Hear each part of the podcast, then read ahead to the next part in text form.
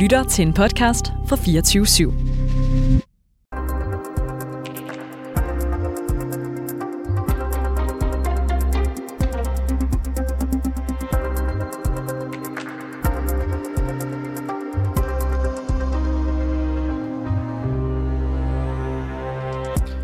Små børn i indskolingen skulle slet ikke have været sendt hjem fra skole under coronanedlukningerne. I hvert fald ikke i så lang tid og af flere omgange.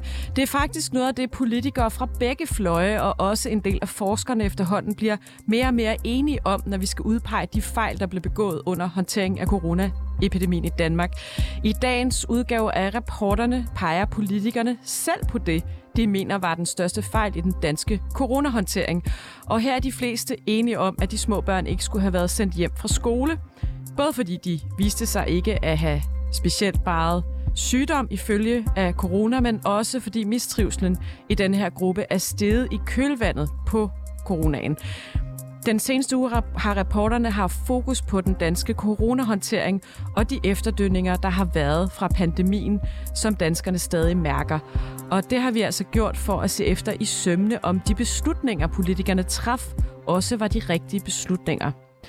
Vi har kigget mod Sverige, hvor især skolenedlukningerne har været håndteret helt anderledes end i Danmark. Der var børnene nemlig i skole. Og i dag forsøger vi så at sætte et punktum. Hvad har vi lært?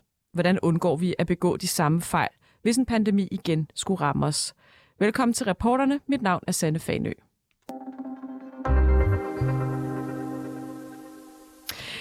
Ja, Lars Bøge Mathisen fra Ny Borgerlige. I mit manuskript her, der står der, hvad sagde jeg? Hvad sagde du? Nå, gør du det? Altså, er det det, du vil sige? Nej, jeg skal lige præsentere dig ordentligt, Lars Bøge Mathisen. Du er medlem af, du var tidligere medlem af epidemiudvalget og sundhedsordfører under coronaepidemien for nye borgerlige. Er det korrekt? Det er du måske stadig? Ja, det tror jeg stadig gerne. Det er du stadig. Hvad sagde du? Nå, jamen, øh, der er tit i det her, øh, når man sådan på bagkant af corona skal, skal evaluere på noget, så, der, så kan man let komme til at sige sådan noget, men øh, nu skulle man bare have gjort sådan og sådan sådan. Der kan let gå mandagstræner over det. Jamen, det gjorde du øh, så også men, dengang. Men, men, men, men, netop, men netop derfor synes jeg, at jeg har en, en, en pointe i, at jeg kan sige, jamen, øh, jeg øh, gjorde, og, og mit parti, øh, som de eneste i lang tid, og jeg gjorde som eneste mand øh, øh, opmærksom på, øh, fra i hvert fald fra Folketingets side, at det, man var galt, havde i gang her, det var meget, meget skadeligt. Og efter min optik, så er det det største overgreb, vi har gjort over vores børn og unge i, i den tid, jeg har, jeg har levet næsten, tror jeg. Men Lars Bøge Mathisen, på det tidspunkt troede man jo, at de ville være smittespredere børnene, og man vidste jo heller ikke helt fra start i hvert fald, at de ikke blev spe- specielt syge af corona. Så med den viden, man havde på det tidspunkt, der var det vel det rigtige at gøre, i hvert fald under første nedlukning. Ja, men altså, man skal huske på, at, kan man sige, at coronaen har jo forskellige faser. Der var fasen i marts måned i 2020, hvor man ikke rigtig vidste, hvad man, hvad man stod overfor. Øh, og der kan jeg godt forstå, at man havde brug for at lave nogle ting. Øh, kort øh, tid inde i april-maj vidste man mere, hvad man stod overfor, og vi lavede faktisk alle folketingspartier en genåbningsaftale sammen med regeringen øh, om, hvordan landet skulle åbnes op. Og den troede man også, og jeg troede også, at den ville så blive fuldt. Men det ændrede man jo så i august måned i 2020, hvor regeringen pludselig sagde, at det ville den ikke alligevel, og så indførte den det her overforsigtighedsprincip, som er et politisk bestemt princip.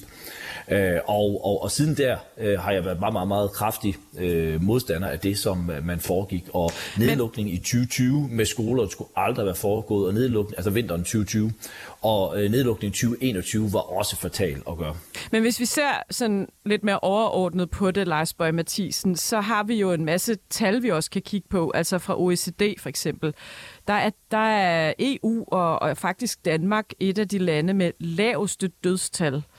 Øhm, alligevel siger du, hvad sagde jeg, og, og peger især på skolerne, men, men er der slet ikke lidt ros, altså, for at vi faktisk har klaret os igennem med coronapandemien, epidemien i Danmark med så få døde? Nej, altså, du skal huske på, at nu her snakker vi skolelukninger. Ja. Der, er ikke, der er ikke noget, jeg har ikke set uh, data, uh, som, som kan påvise, at skolelukningerne har betydet, at der er døde færre i, i, i Danmark. Der, der kan være en lang række for uh, ting, hvorfor der er døde færre. For, for der Men vil du alligevel give regeringen den fjer i hatten, at, vi ikke, der, at det dødstallene var lave? Øh, på visse tidspunkter, på andre tidspunkter har de så været, været højere end andre lande. Det kommer meget an på, på andre aspekter, som også har været. Man skal huske på, det kommer også an på, hvilke influenzabølger der har været. Øh, både de influenzabølger, der har været før øh, corona kom, men så også de influenzabølger, der har været efter, efterfølgende. Hvad har de med corona at gøre? Hvornår du, Øh, jamen det har meget at gøre med, altså en af grundene til, ikke den eneste grund til, men en af årsagen til, at Sverige blev hårdt ramt øh, af, af coronaen i, i, i foråret 2020, der i marts, det var jo, at de har haft en meget, meget mild en influenza øh, sæson året før, hvor de så derved har haft en del ældre, og det lyder måske barsk og hårdt, men det er jo sådan, det er, at, at så har overlevet en, en vinter længere, og derfor var de jo nogle af dem, som så stod først for derfra. Og plus, de, de lukkede så også, kan man sige, ned for, for plejehjemmene lidt senere end andre, så der er nogle elementer der, der går. Men, men derfra at kunne lave en sammenkobling til af, af skolelukningerne og så, og så øh, dødsfald, det kan man simpelthen ikke, mener Så lad os kigge lidt på, på skolelukningerne, fordi man kan også læse i den samme rapport, at øh, flere børn og unge viser symptomer på depression og, og mistrivsel i Danmark, men det gør de også i mange af de andre lande. Altså lande, der har håndteret det forskelligt. Det gør de faktisk også i Sverige. Så spørgsmålet er, om du kan lave den kobling overhovedet, altså at det har noget med sko- nedlukningerne at gøre, eller om det bare er en, en reaktion på pandemien hos unge og børn sådan generelt, fordi vi var i sådan, altså samfundsstress, kan man vel nærmest kalde det. Mm, jeg laver heller ikke kobling, at det er den eneste årsag til. Det har jeg aldrig nogensinde sagt. Jeg har sagt, at det har været medvirkende til det. Øh, og når vi kan se, at at både for, for gruppen 5-24 år, men især gruppen fra 12-17 år, øh, som har haft en, en massiv stigning med over 30 procent i stigning af, af brug af, af, hvad hedder det, en relativ stigning af brug af, af hvad hedder det, medicin til psykiske lidelser, og som er sket efter nedlukningen, øh, så sker så stor en stigning, ikke bare fordi, at der er udsolgt til Justin Bieber øh, koncertbilletter. Altså, så, så, men det så skete jo i mange lande, på. Lars Bøge Mathisen. Det er jo ikke kun i Danmark. Jo, Nej, nej men, men altså fordi at der er andre lande, der har gjort det dårligt, behøves jo ikke... Øh, altså, det, det, altså, der er masser af lande, som har håndteret det her forfald. Der var en masse psykose, som øh, gik ned over en lang række lande, hvor statslederne havde besluttet sig om, omkring det samme. Så, så det gør jo, at, at andre lande har, har gjort det dårligt, betyder det jo ikke. Men der er også andre elementer til, at børn har det dårligt i dag. Hvis du kigger på det, så 4 ud af 10 unge i en stor undersøgelse fra The Lancet, hvor man har spurgt 10.000 unge mennesker, øh, overvejer ikke at sætte børn i verden på grund af, af, af klimaforandringerne. 56 procent af unge øh, tror, at menneskeheden er dødsdømt på grund af klimaforandringer. Og det er jo klart, det er også politikernes ansvar, mediernes ansvar og kan man sige, uddannelsesstedernes ansvar, at de har sat sådan Men var der ikke en pandemi med mange, mange millioner mennesker, altså, der døde? Det, det er vel ikke en psykose, det er vel fakta? Jo, jo, men, men derfor skal man jo ikke sige til børnene, at det er farligt, når, når det ikke er farligt for dem. Mm. Altså, det, det, det, det, det, men derfor skal man være rationel. Hvis du kigger på, på, på dødstal og ind, indlæggelsestal for børnene, så kunne vi jo ret hurtigt se, at det her det er jo ikke farligt for børn. Kan du slet ikke sige noget som helst positivt om den danske coronahåndtering? Nævn en ting. Kom nu. En positiv ting om den ganske? I Danmark. Øh... Der, må være, der må være noget. Mm, en positiv ting. Øh... Ej, sorry, jeg griner. ja, ja, men det var, det var bare lidt sådan lidt, fordi at jeg, jeg, jeg har svært ved at se fordi jeg synes, der, der var så mange fatale ting. Altså, øh, øh, en, en Allan Randrup, som går ud og indrømmer den 27. december. Jamen, nu skal du sige noget positivt. Kom du, Lars Bøge. Jeg færdig, Og jeg har godt nok svært ved at finde noget, noget, noget, noget, noget positivt. Jeg tror, det, det mest positive, det var, at i starten ture Sundhedsstyrelsen godt at sige fra, men det, de bliver jo også, øh, kan man sige, panden på plads. Øh, Vil så, du høre, hvad Per Larsen fra Konservativ har at sige så? Øh, det, det er måske konservativt, de gik voldsomt fremt, men øh, de blev så tilbage igen. vi, vi, vi har ham nemlig på bold. Lad mig lad, lad, høre lige her, fordi øh, okay, per Larsen, lad os høre, hvad han har at sige. Per Larsen fra Konservativ, han sad med i epidemiudvalget, og vores journalist Peter Barstad har talt med ham tidligere i dag om, ja, hvad han egentlig, øh, hvordan han ser på det. Blandt andet synes han, man skal nedsætte en coronakommission. Prøv at høre her.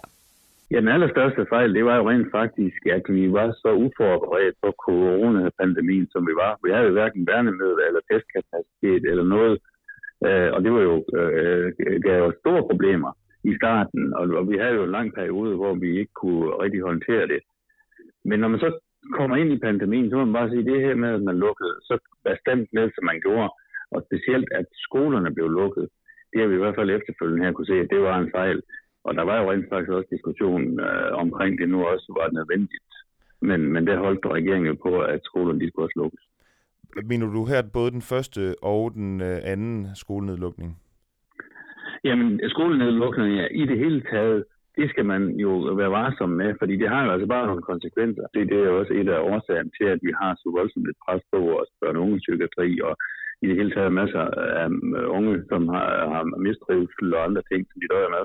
Og det kunne man måske have undgået, hvis det var sådan, at man havde øh, ladet dem komme i skole i højere grad, end det tilfælde var. Hvem håndterede corona bedst, Danmark eller Sverige, ifølge dig?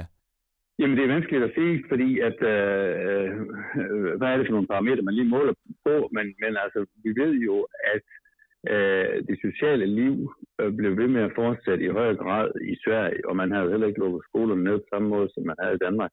Og det tror jeg helt sikkert, at det er en fordel øh, for svenskerne, at man ikke har haft den der bestandte nedlukning. Hvis du skal give sådan en overordnet dom, Danmark eller Sverige, hvad med tilbageblik, hvem, hvem håndterede den så bedst?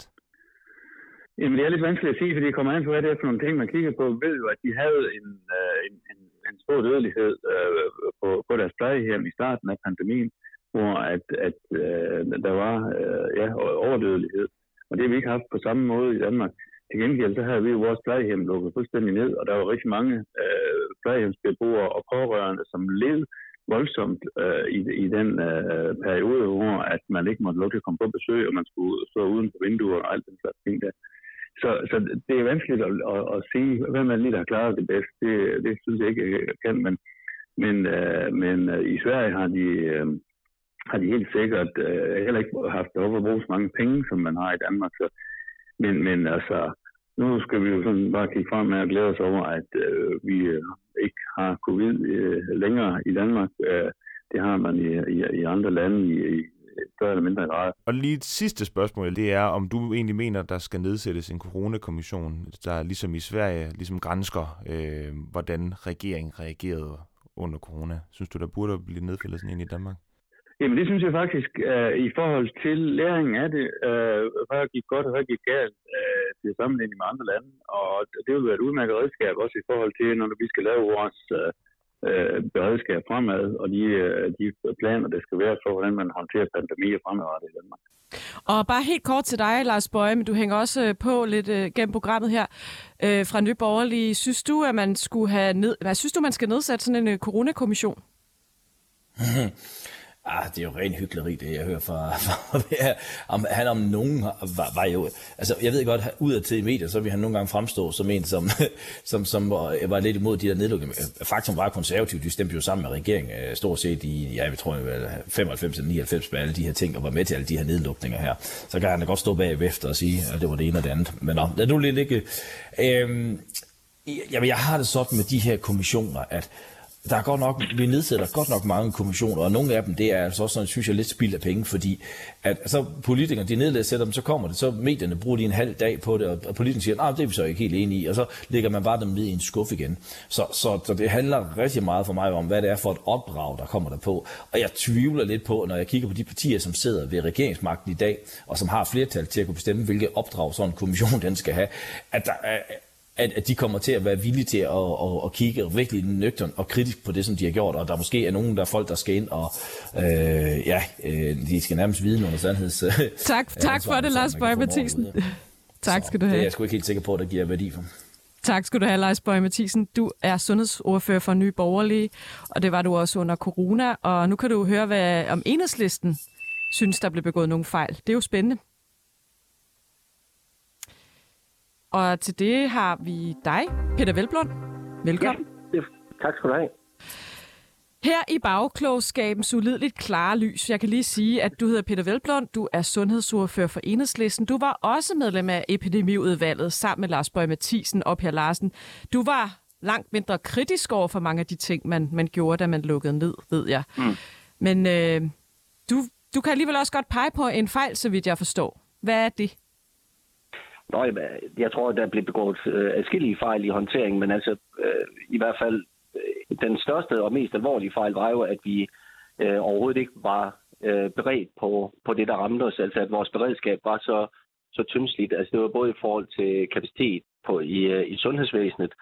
Altså vi oplevede under øh, coronaepidemien, at at selv øh, forholdsvis små øh, udsving var nok til at lægge vores sundhedsvæsen ned Øh, og, øh, og, så var det, og så var det jo det, at vi ikke øh, havde tilstrækkeligt beredskab i forhold til, til hverken øh, øh, værnemidler eller øh, produktion af, af vacciner for den sags skyld. Øh, så, så det er for mig at se, at den, den, den største fejl er, at vi overhovedet ikke var forberedt på det. Men jeg ved også, at du faktisk også her efterfølgende, Peter Velblund, også synes måske i hvert fald anden skolelukning for de små var, var en fejl. Øh, vil du uddybe det? Jamen, der er ikke nogen tvivl om, at, øh, at det, altså det, det som, som det hedder det, øh, børn og unge blev, blev udsat for, øh, at der var den effekt, der var, at nedlukningen stod nok ikke øh, mål med, med de omkostninger, der var i forhold til det. Men det er klart, at altså en af grundene til, at man gjorde det på daværende tidspunkt, var jo også, at, øh, øh, at vi jo reelt ikke vidste, øh, hvor hurtigt smitten den spredte sig. Jeg skal være den første til at erkende. Jeg har også stået og talt for, for både skolenedlukning og faktisk også for, at man øh, dengang, da man ikke lukkede ned i dagtilbud, at man udviste større forsigtighed der. Øh, og det var har du fortrudt, man gjorde det, Peter Velblund, at man lukkede ned? Altså nu tænker jeg, at man lukkede jo faktisk ned to gange for de små elever. Kunne mm. man i anden gang måske have, have, have undgået det? Ja, det, det er muligt, man kunne have undgået det, men, men det er jo, altså, jeg synes også, man skal, man skal se det i det lys, at, at på daværende tidspunkt, der, der, der var vi usikre på, hvor det var præcis smitten, den spredte, hen, spredte sig hen. Og, også anden gang, og, altså? Der i ja, Altså, jeg synes anden gang, anden gang, der havde, altså, anden gang pressede vi også en del på for øh, netop øh, frem for at lukke ned, at man så kunne fokusere på at øh, dele op i mindre hold, altså have undervisning i, øh, i mindre enheder og have færre voksne per børn og og netop også fokusere meget på, øh, på udluftning, øh, blandt andet også med installation af HEPA-filtre, fordi der havde vi jo netop en viden om, øh, hvad der var nødvendigt. Men, men igen var vi jo blevet taget med bukserne ned, og der kan man sige, noget af det, der skal investeres i nu, det er jo, at vi også er, er forberedt på det, at der også men, men Peter Velblom, hvis man ikke ret hurtigt, at det ikke var, altså de små børn ikke blev syge af corona på samme måde som midalderne og, og de ældre blev det, altså jo, det vidste man ikke det på det tidspunkt, at man lukker ned anden gang, for eksempel. Det er om juletid. Jo. jo, det vidste man godt, men, men det, der var bekymringen dengang, var jo netop det der med, i hvor stor grad smitten kunne sprede sig, altså især øh, op under jul og nytår, altså når, øh, når børnene kom hjem og var sammen med forældre og bedsteforældre, altså at man kunne opleve, øh, at der med baggrund i, øh, i, øh, i at folk var hjemme og, og fejre højtid øh, med, også sammen med ældre, øh, at der der kunne være en risiko for, at, at smitten så i højere grad kunne sprede sig. Og jeg skal bare lige høre, Lars Bøge Mathisen, er du stadig med os? Det er hvad, hvad tænker du om det, Peter Velblund siger her med, at anden gang, der var man altså nervøs for, at børnene så smittede de ældre? Jamen, det, der var jo, altså, Øh, det ved jeg godt, der var nogen, der var, men, men, men vi vidste, vi kunne jo se, at det betød ikke noget. Børnene blev ikke syge, og det var langt bedre, at de fik en, øh, at smitten den blev kom rundt med dem, som de fik øh, en, en naturlig immunitet, som vi fik oparbejdet en naturlig immunitet i samfundet. Øh, og det skulle man jo allerede have gjort øh, i, i, i, i sommeren, altså allerede sommeren 2020, øh, og også i 20, sommer 2021. Man skulle aldrig nogensinde have ladet stadigvæk være ting lukket ned. Man skulle have ladet den her øh, virus komme rundt igennem samfundet om sommer, hvor det var fint og, og alt muligt andet. Det gjorde man så ikke. Og så lukkede man det ned for, for, for børn, som, som vi kunne se på tallene, at de, de blev jo ikke indlagt, de blev ikke syge. Og, og der var heller ikke mm, den der smitte fra børn til voksne. Det fandt man jo også ret hurtigt ud af. Den, den skete jo heller ikke. At det, det, det, det spredte sig jo ikke på den måde, som, som, som man kunne frygte i de lande, som så ikke lukkede ned. Så lad mig spørge dig, Peter Velblund. Har børn betalt den for høj pris for, det, for denne her nedlukning, eller for i hvert fald nedlukning nummer to? Ja, de har i hvert fald betalt en høj pris. Altså jeg vil nu lige sige, at, at det, altså det, det er nu ikke rigtigt, at, at smitten ikke spredte sig øh, fra, fra børn til, til, til voksne og også til, til ældre og sårbare. Altså det, det skete jo, øh, og det var også derfor, det var så afgørende, at vi, at vi, øh, at vi fik, øh, hvad hedder det, øh, at vi fik øh, komme i gang med, med vaccinationsindsatsen, så vi i særlig grad kunne få, kunne få vaccineret de, øh, de ældre og de sårbare. Ja, vaccinere børnene var jo også en, altså anbefalerne har man jo også fortrudt, at man, man skulle vaccinere børnene, fordi det har jo ikke haft nogen effekt.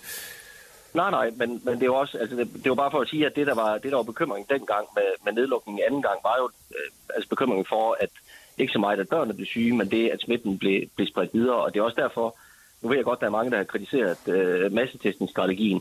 Altså, jeg synes, vi kom alt for sent i gang med massetestning, fordi i starten af epidemien, da vi havde de massive nedlukninger, det var jo fordi, vi reelt håndterede epidemi med lukkede øjne, fordi når vi så Altså det eneste, vi kunne reagere på, det var antallet af indlagte, og der er der jo forsinkelse på... Det, det er godt, uger. du selv tager den op, masseteststrategien, Peter Velblom, for det har vi jo også haft op, det tema tidligere ja. på ugen, med blandt andet Frederik øh, Charles Buchholzer, som er, som er blandt andet forsker i vaks, øh, vaccine, øh, vacciner, men han, han har jo været ude og kritisere masseteststrategien for overhovedet ja. ikke at have en effekt. Blandt andet øh, kunne man se, at antallet af indlæggelser ikke faldt, da vi begyndte at masseteste. Så hvorfor synes du overhovedet, det var en god idé?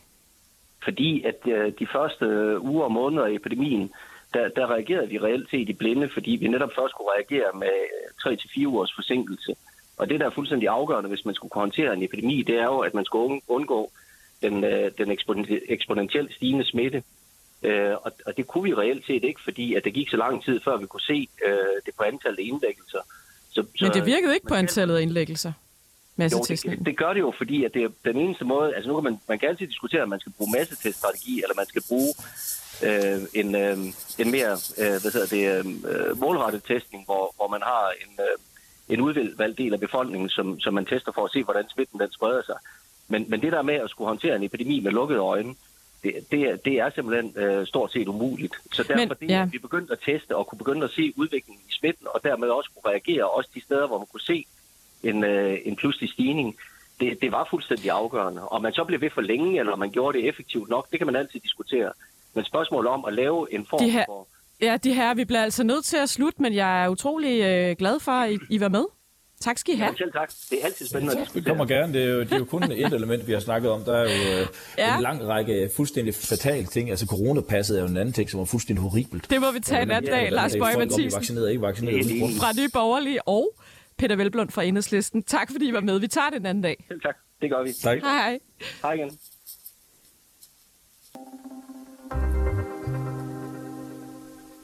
Ja, fordi så skal vi have fat i Jens Henrik Tulsendal. Velkommen. Tak for det. Du er jo, ja, det er jo faktisk breaking news. Du er jo nyvalgt ordfører for Danmarksdemokraterne som sundhedsordfører. Derfor er du med. Ja. Tillykke. Tak for det. Øhm, hvad var efter din mening øh, den største fejl i den danske coronahåndtering?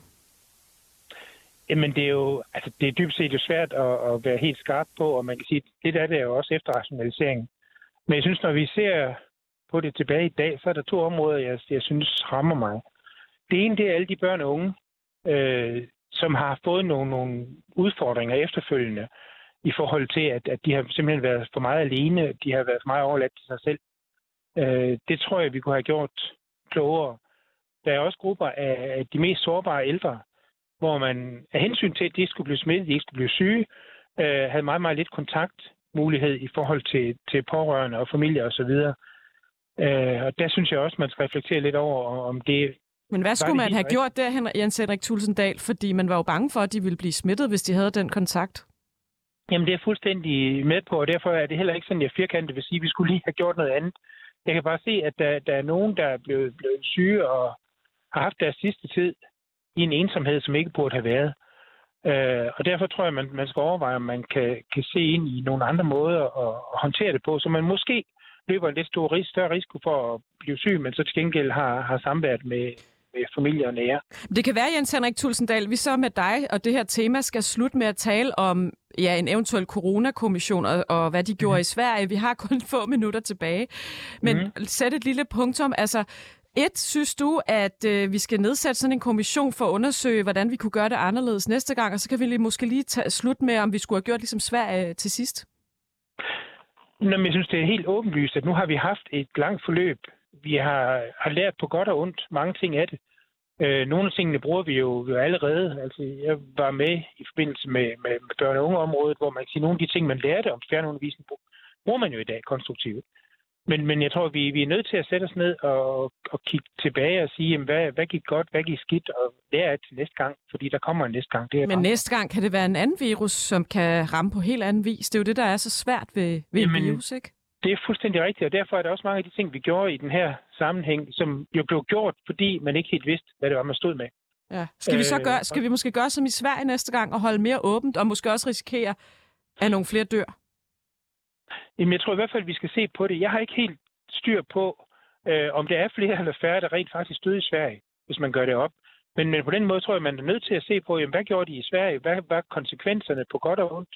Og hvad gjorde vi i Danmark? Øh, fordi altså, i og med, at vi faktisk vælge vidt forskellige strategier, jamen, så vil der også være mulighed for at få en bredere læring af det. Så bare helt kort, Jens Henrik Tulsendal, vil I Danmarksdemokraterne være med til at sætte penge af til at nedsætte sådan en kommission? Vi vil gerne, i hvert fald gerne være med til at sikre, at vi, vi lærer af det, det, der er foregået. Jeg forestiller mig ikke, at det skal være vanvittigt mange penge, der skal til, mm. til det. Det handler mere om at sætte sig ned systematisk og kigge på, hvad har vi gjort, og, og hvad kan vi lære af det. Tusind tak, Jens Henrik Tulsendal, og tillykke med det nye ordførerskab for Danmarksdemokraterne. Tak for det. Og vi har også forsøgt at spørge nogle af de partier, som måske stod med mere af ansvaret, end dem vi har talt med i dag. For eksempel sundhedsordfører for SF, Kirsten Norman Andersen. Hun kunne ikke være med. Vi har også prøvet hos Socialdemokratiets sundhedsordfører, Rasmus Horn Langhoff. Kunne heller ikke være med. Han får et nyt ordførerskab i morgen, siger han. Øhm, vi har også spurgt den nye sundhedsminister Sofie Løde, om nedlukningerne under corona var en fejl, de ikke vendte tilbage. Og så har vi selvfølgelig spurgt tidligere sundhedsminister Magnus Heunicke. Han ville heller ikke medvirke. Vi har også spurgt Sundhedsstyrelsen og Statens Serum Institut uden held. Det var alt, hvad vi havde for corona i denne omgang, og alt, hvad vi havde for reporterne i dag. Tak fordi I lyttede med. Du har lyttet til reporterne på 24 /7. Hvis du kunne lide programmet, så gå ind og tryk abonner på din foretrukne podcasttjeneste, eller lyt med live mellem 15 og 16 på 24 /7. Tips kan altid sendes på reporternesnablag247.dk.